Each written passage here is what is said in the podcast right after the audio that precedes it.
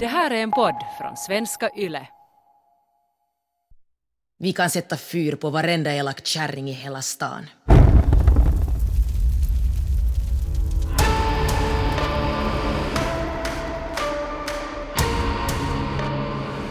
Du lyssnar på tredje delen i krimpodden Satans häxa, mordet på barnmorskan Malin Matsdotter.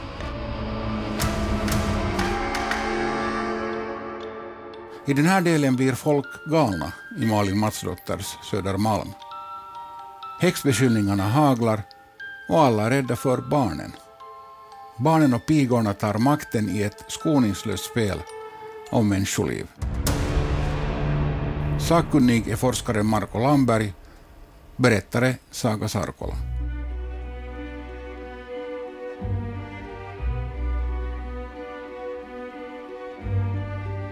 Oväsen låter ju ganska nonchalant för ett skeende där närmare 300 människor avrättas. Det nojsas lite. Men så kallas den nu i alla fall. Den värsta häxjakten i Sverige-Finlands historia. Det stora oväsendet. Som väsnades mellan 1668 till 1676. Möjligtvis gavs det nonchalanta namnet av överklassen. Åtminstone speglade de styrande klassernas inställning till häxjakten. De var totalt ointresserade av den. De hade annat att tänka på. Sverige var i krig med Danmark, Tyskland och Holland och överlag ville man inte befatta sig med vad de lägre skikten sysslade med. Häxhysterin var borgarnas och allmogens grej. Oväsendet börjar i Dalarna och arbetar sig vidare från by till by socken till socken, landskap till landskap och till sist smittar viruset Stockholm. Smittan kommer med en tolvårig pojke från Gävle. Johan Johansson Gris heter han och han har skickat sin mor till Våle. Han har anklagat henne för att föra honom till Blåkulla och för att sexuellt ha våldfört sig på honom. Hans mor avrättas för trolldom, dubbelt hor och blodskam. Johan har varit övertygande. Han är en gudabenådad berättare. Gävlepojken, som Johan Johansson Gris fick heta, anländer föräldralös till Stockholm i maj 1675 och bosätter sig hos släktingar på Södermalm. När han kom till Stockholm mötte han jämnåriga och började berätta för dem om Blåkulla och om häxor som kapar barn och så småningom, eller egentligen ganska snabbt, började barn berätta för sina föräldrar att också de förs till Blåkulla. Gävlepojken upprättar sitt högkvarter i sina släktingars hökarbord vid Nytorgsgatan. Hökare betyder handelsman. Där samlas folk för att lyssna på hans förunderliga berättelser om Blåkulla Hökarbodarna är överlag viktiga informationscentrum. Här köper man det senaste skvallret. Visst hade invånarna redan tidigare riktat misstankar och anklagelser mot sina grannar. Men de här berättelserna är betydligt färggrannare och kusligare än dem man hört tidigare. Snart börjar Gävlepojken och andra barn peka ut kvinnor på Södermalm som häxor. Mödrar är Gävlepojkens favoritobjekt. Gävlepojken samlar en stab med betrodda ryktesspridare. Till dem hör myrapygorna Agnes Eskilsdotter och Annika Henriksdotter och skräddardottern Lisbeth Karlsdotter. De är ledarna som lär de yngre barnen vem som ska utpekas och vad som ska sägas, både nu och senare i domstolen. Och vill man inte sprida rykten och peka ut häxor så får man stryk. Eller så blir man själv utpekad som Blåkullafarare.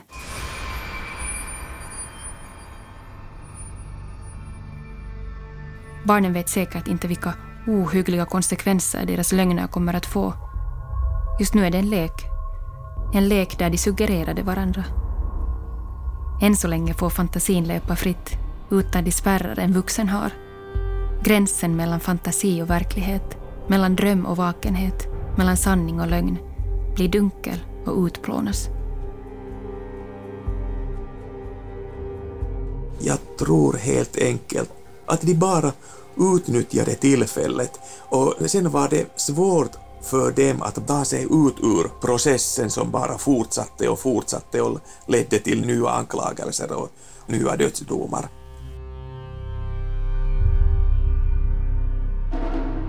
Folk blir rädda för barnen. Pigorna och barnen får äntligen den bekräftelse de så längtat efter. De får uppmärksamhet. De blir sedda. Malin Matsdotter är ett lätt byte. Hon bor en liten bit från de andra och talar en dålig svenska. Men hon har säkert svurit och hött näven efter ungarna. Nu är det barnens tur att hota. Om vi tänker på de ledande pigorna så kunde de ha den tillfredsställelsen att de åtminstone för en stund intog en maktposition, en sådan position som de under normala omständigheter aldrig skulle ha kunnat ha. Vi måste ju komma ihåg att 1600-talets samhälle ingalunda var demokratiskt, för det var ett mycket hierarkiskt samhälle och barnens och de ungas och tjänstefolkets lott var att lyda andra, att lyda föräldrar och att lyda husbonden och husmodern. Men nu kunde rollerna bli ombytta. När Johan Johansson Gris senare fängslas kommer hans roll som häxgeneral att övertas av 18-åriga Lisbeth Karsdotter. I en färsk roman om Lisbeth Karsdotter låter Sisela Lindblom Lisbeth säga det jag har berättat, det har blivit sant. Och det är jag som vill att det ska vara så. Vi är rusiga av glädje. Vi kan sätta fyr på varenda elak kärring i hela stan. Och det beskriver ju hela perioden av lögner och sanningar. Det jag har berättat, det har blivit sant. Känns det igen? I en dokumentärberättelse av Lars Widding säger Lisbeth Om jag vill kommer det bara att finnas tre kvinnor kvar i den här stan innan allt sammans är över. Oberoende om det är sant eller inte så motsvarar det säkert den euforiska känsla som en piga måtte ha känt när hon äntligen har någon betydelse. I allmänhet anklagar barnen, ungdomarna och de unga kvinnorna grannfrun, men i vissa fall anklagar de kvinnor som de står i ett beroendeförhållande till, som de får källor och smiska av. Ju äldre de blir, desto mer förnedrade och kränkta är de av fysisk bestraffning. Drar man ner byxorna på en 16-åring gör man våld på hennes spirande integritet. Hon vill inte behandlas som en barnrumpa. En begynnande självkänsla trycks ner i skorna. Men nu tar sig de kränkta ungdomarna upp ur skorna.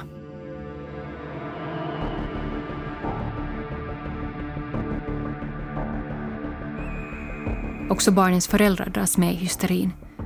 De tror sina barn. Barn ljuger inte. Och handen på hjärtat, vem skulle inte bli rasande om någon berättar att ditt barn har förts till Satan eller överhuvudtaget förts bort vart som helst det är jäkla svårt att betvivla sitt barns lidande. Häxorna ska bort.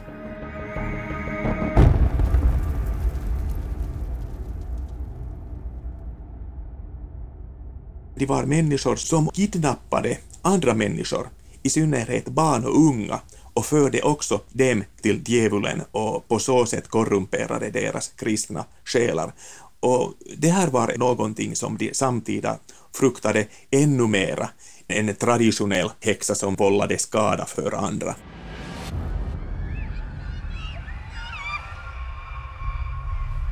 Det upprättas vakstugor. I vakstugorna samlar man alla barn som sagt att de förs bort till Blåkulla. De tillbringar natten tillsammans med de vuxna i ett och samma rum. Barnen får då ofta häftiga anfall. De anfäktas, faller i trans, viftar med armarna, river sig i håret, skriker faller på golvet i konvulsioner och beter sig i största allmänhet hysteriskt. Då vet man att häxan tagit sig in i stugan och fört med sig barnet.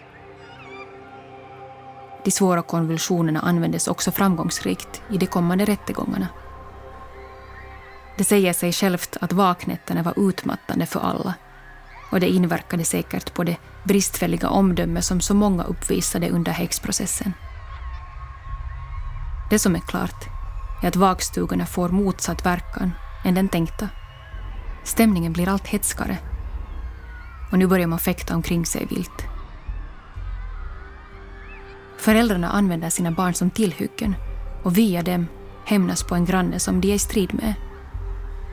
Då använder de sig oblygt av samma typ av ledande frågor som prästerna senare kommer att ställa i förhören och rätten. Visst var det den och den som förde bort dig. Genom att bejaka föräldrarnas ledande frågor får barnet ett värde, en position. Det finns också en ekonomisk aspekt. Vi måste också komma ihåg att 1600-talets samhälle var nödtorftens och bristens samhälle. Och, och om ett barn låtsades att hon eller han anfölls av häxor och fördes till Blåkulla och att hon eller han led av det, så kunde detta väcka medlidande hos omgivningen och man kunde få allmosor, lite pengar och lite matvaror på det sättet.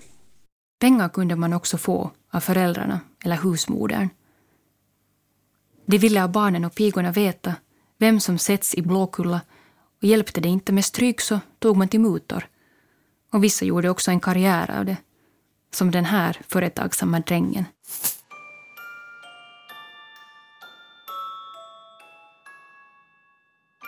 Sen läser vi också i protokollen om en ung smedsdräng som påstod att han hade besökt Blåkulla och haft där slagsmål med djävulen och att han hade lyckats riva ett blad ur djävulens namnbok, eh, alltså en bok där han påstod att djävulen antecknade namnen på de barn som hade blivit födda till Blåkulla. Och sedan sålde han namn till upprörda och oroliga föräldrar. Alltså föräldrar kunde betala honom för det att han gav en papperslapp där det stod namnet på deras barn. I själva verket hade han stulit en kyckling, skurit av halsen på den och sen skrivit namnen på pappret med kycklingsblod. Han hade alltså exploaterat de rätt så enfaldiga människornas uppriktiga oro och rädsla. Det fanns också professionella visgossar. Nej, de sjunger inte visor. De visar vem som är en häxa. De har, liksom många av barnvittnena, en förmåga att se in i det fördolda. De ser alltså sånt som inte vanliga människor ser. Satans märke i pannan och sånt. Viskorsarna anställs av församlingar och de ställer sig vid kyrkporten när gudstjänstbesökarna kommer ut från söndagsmässan. Då pekar de på dem som är Satans bundsförvanter. De fängslas omedelbart. Vissa visgossar förtjänar sitt levebröd på att peka på folk. De reser land och rike runt och lättar på fromma församlingsmedlemmars lidanden. De förtjänar också på att inte peka på människor. Ibland kan det gå illa för visgossarna. Som i Torsåker i Hofors kommun. Kyrkoherde Laurentius Horneus anställer en visgosse men gossen gör misstaget att peka på kyrkoherdens fru när hon stiger ut ur kyrkan. Frun går fram till visgossen och ger honom en rungande örfil och gossen förklarar stapplande att han hade solen i ögonen och trodde felaktigt att han sett Satans märke i prostinnans panna. Man skulle nämligen veta vem man anklagade. En flicka, Brita Sippels dotter Annika, informerar att hon sett borgmästaren Olof Tegnér fälla domar i Blåkulla och rådman Lars Frank bokföra dem. Det noteras i stunden på inga sätt, men rätten kommer att minnas Annika när domarna börjar falla. En annan piga, Maria Nilsdotter, går ut med att hon sett greve Magnus Gabriel de la Gardis hustru och syster i Blåkulla. Hon blir ögonaböj intagen på mentalsjukhus. Det säger sig självt att det är absurt att ens tänka att de övre klassernas representanter skulle ha något med trolldom att göra. Också henne kommer man ihåg när rättegångarna startar.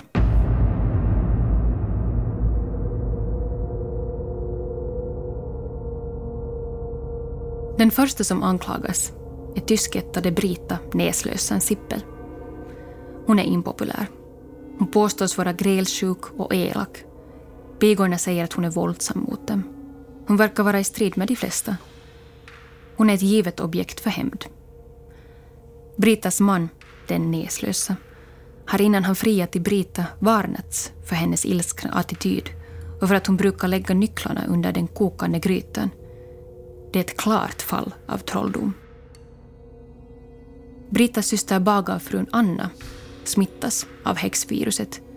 Så också Annas goda vän mössmakerskan Anna, vipp upp med näsan Månsdotter. Hennes öknamn tyder på att hon uppfattas som högfärdig, ett epitet som inte är bra att ha när viruset sprider sig i den alltmer panikdrabbade stadsdelen. Anna Sippel är raka motsatsen till sin syster. Hon är varken grälsjuk eller ilsken, men hon hade rätt väl ställt som bagarhustru. Möjligen väcker just det avund. Eller så är det för att hon är konstig. Hon badar nämligen varje dag. Anna Sippel har en bod där hon och vännen Anna Månsdotter säljer naturprodukter. Naturprodukterna är tillverkade av grannen Anna Persdotter. Det säger sig självt att Anna Persdotter läst häxformler när hon kokat salvorna. Och lika säkert är att de båda annorna tillsammans läser Satans verser över burkarna. Naturprodukter och trollformler antyder på ett förbund med hinnhålet. Så nu har vi tre annor och en Brita som pekas ut som häxor. De kan inte längre röra sig på gatorna utan att någon ropar efter dem. Du är den som för mig från Gud till fan. De första som förs inför Södra Kämnersrätten är Brita och Anna Sippel och Anna Månsdotter. De anklagas för att föra barn till Blåkulla, ibland tre, fyra gånger om natten. Ett barn vittnar om att Anna Månsdotter ligger med den fule under matbordet, klappar och kysser honom och dansar med honom.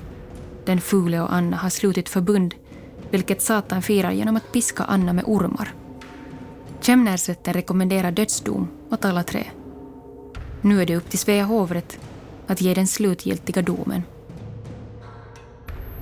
Ryktesvågorna når nu sådana höjder att stadens myndigheter i rädsla för en lavin av beskyllningar fängslar Gävlepojken. Helt enkelt för att få ett slut på hans verksamhet och inflytande. I det skedet har Gävlepojken de facto tappat lite av sin position som obestridlig häxgeneral. Myrapigorna och Lisbeth Karsdotter har fått en mer central roll än han.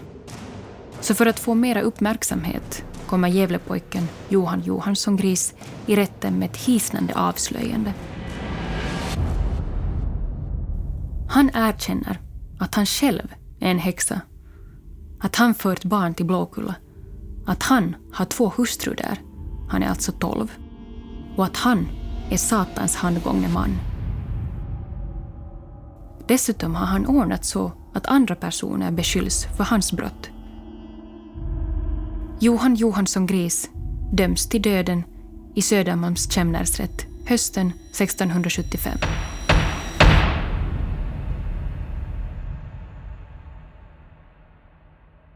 Det gör man egentligen bara för att få honom bort från gatorna. Man utgår från att hovrätten inte verkställer domen på grund av pojkens ålder. Gävlepojken låses in i barnhuset. Men det hjälper inte. Flygtrafiken till Blåkulla fortsätter med oförminskad styrka. Då skriver föräldrarna ett brev till rätten där de undrar vad rätten sysslar med. Varför rullar inga huvuden? Andemeningen i brevet är nödropet. Om ni inte snabbt hugger huvudet av häxorna så kan ni lika bra ta livet av barnen så att de slipper plågas i Blåkulla. De får inget svar, så de författar ett nytt brev. Den här gången är adressaten högre upp i hierarkin. Presidenten i Svea hovrätt, riksrådet Bengt Horn. Ut i djupaste ödmjukhet är vi fattiga syndare och sorgburna föräldrar från Katarina församling på Södermalm förorsakade med denna vår enfaldiga böneskrift inför högvälborne Herren att komma och i Jesu namn bedjandes om hjälp och tröst emot Satans våld och raseri. Våra barn bekänner dagligen, ja, var natt, att de genom Satans instrumenter och häxor bliva till Blåkulla bortförda, två, tre, fyra gånger. Och där omdöpta i tre onda andars namn, lära sig läsa oerhörda förbannelser emot allt vad heligt är, emot sin vilja, våra barn, ja, icke blott barn utan 12, 15, 16, 18, 20 och över 30 år gamla har stått inför rätten, vittnat och betygat dem i ansiktet som dem fört bort från Gud till Satans exercitier. Med de, häxorna, är lika styva, det vill säga nekar till beskyllningarna. Då började huvuden rulla.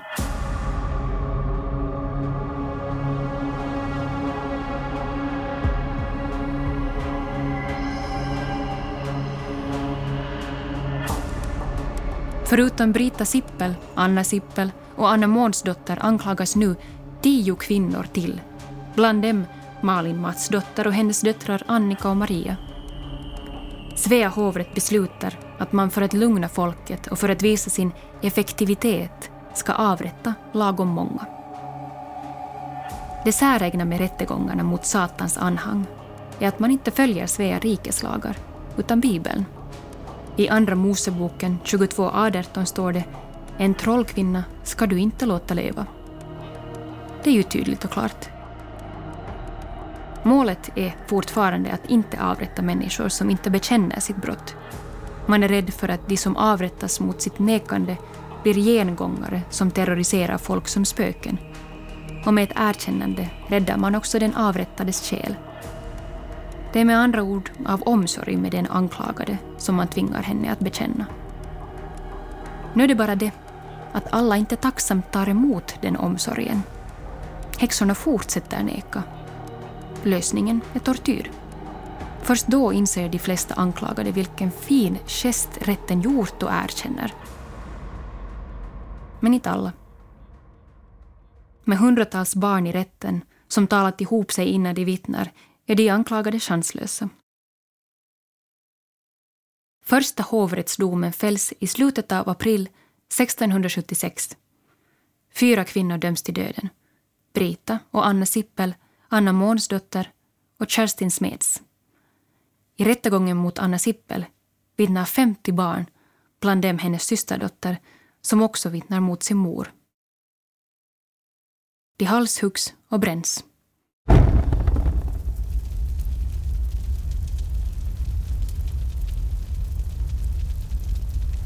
En av de brända, Smeds Karin, har i och för sig redan i förtvivlan hängt sig i sin cell före rättegången börjat. Men hon döms i sin frånvaro till döden. Hennes kropp förs till avrättningsplatsen, halshuggs och slängs i bålet. Det visar hur viktigt det är att utplåna den dödsdömda totalt, så att hon inte kommer och spökar, men också för att inte ens Satan kommer över en bränd kropp. I Älvdalen hade man till och med grävt upp en kvinna ur hennes grav och fört henne till brasen för att utplåna resterna av henne. I maj avrättas ytterligare tre kvinnor i Stockholm. Men rätten är inte färdig.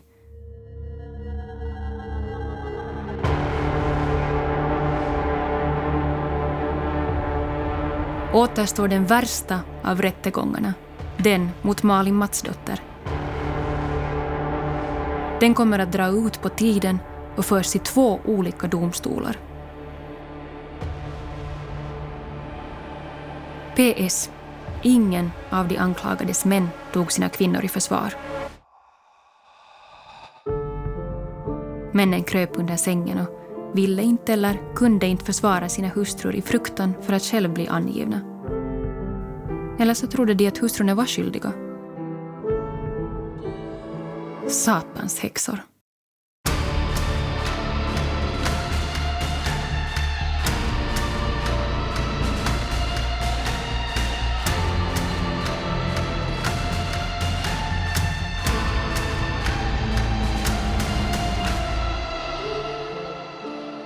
Du har hört tredje delen av krimpodden Satans häxa, mordet på barnmorskan Malin Matsdotter.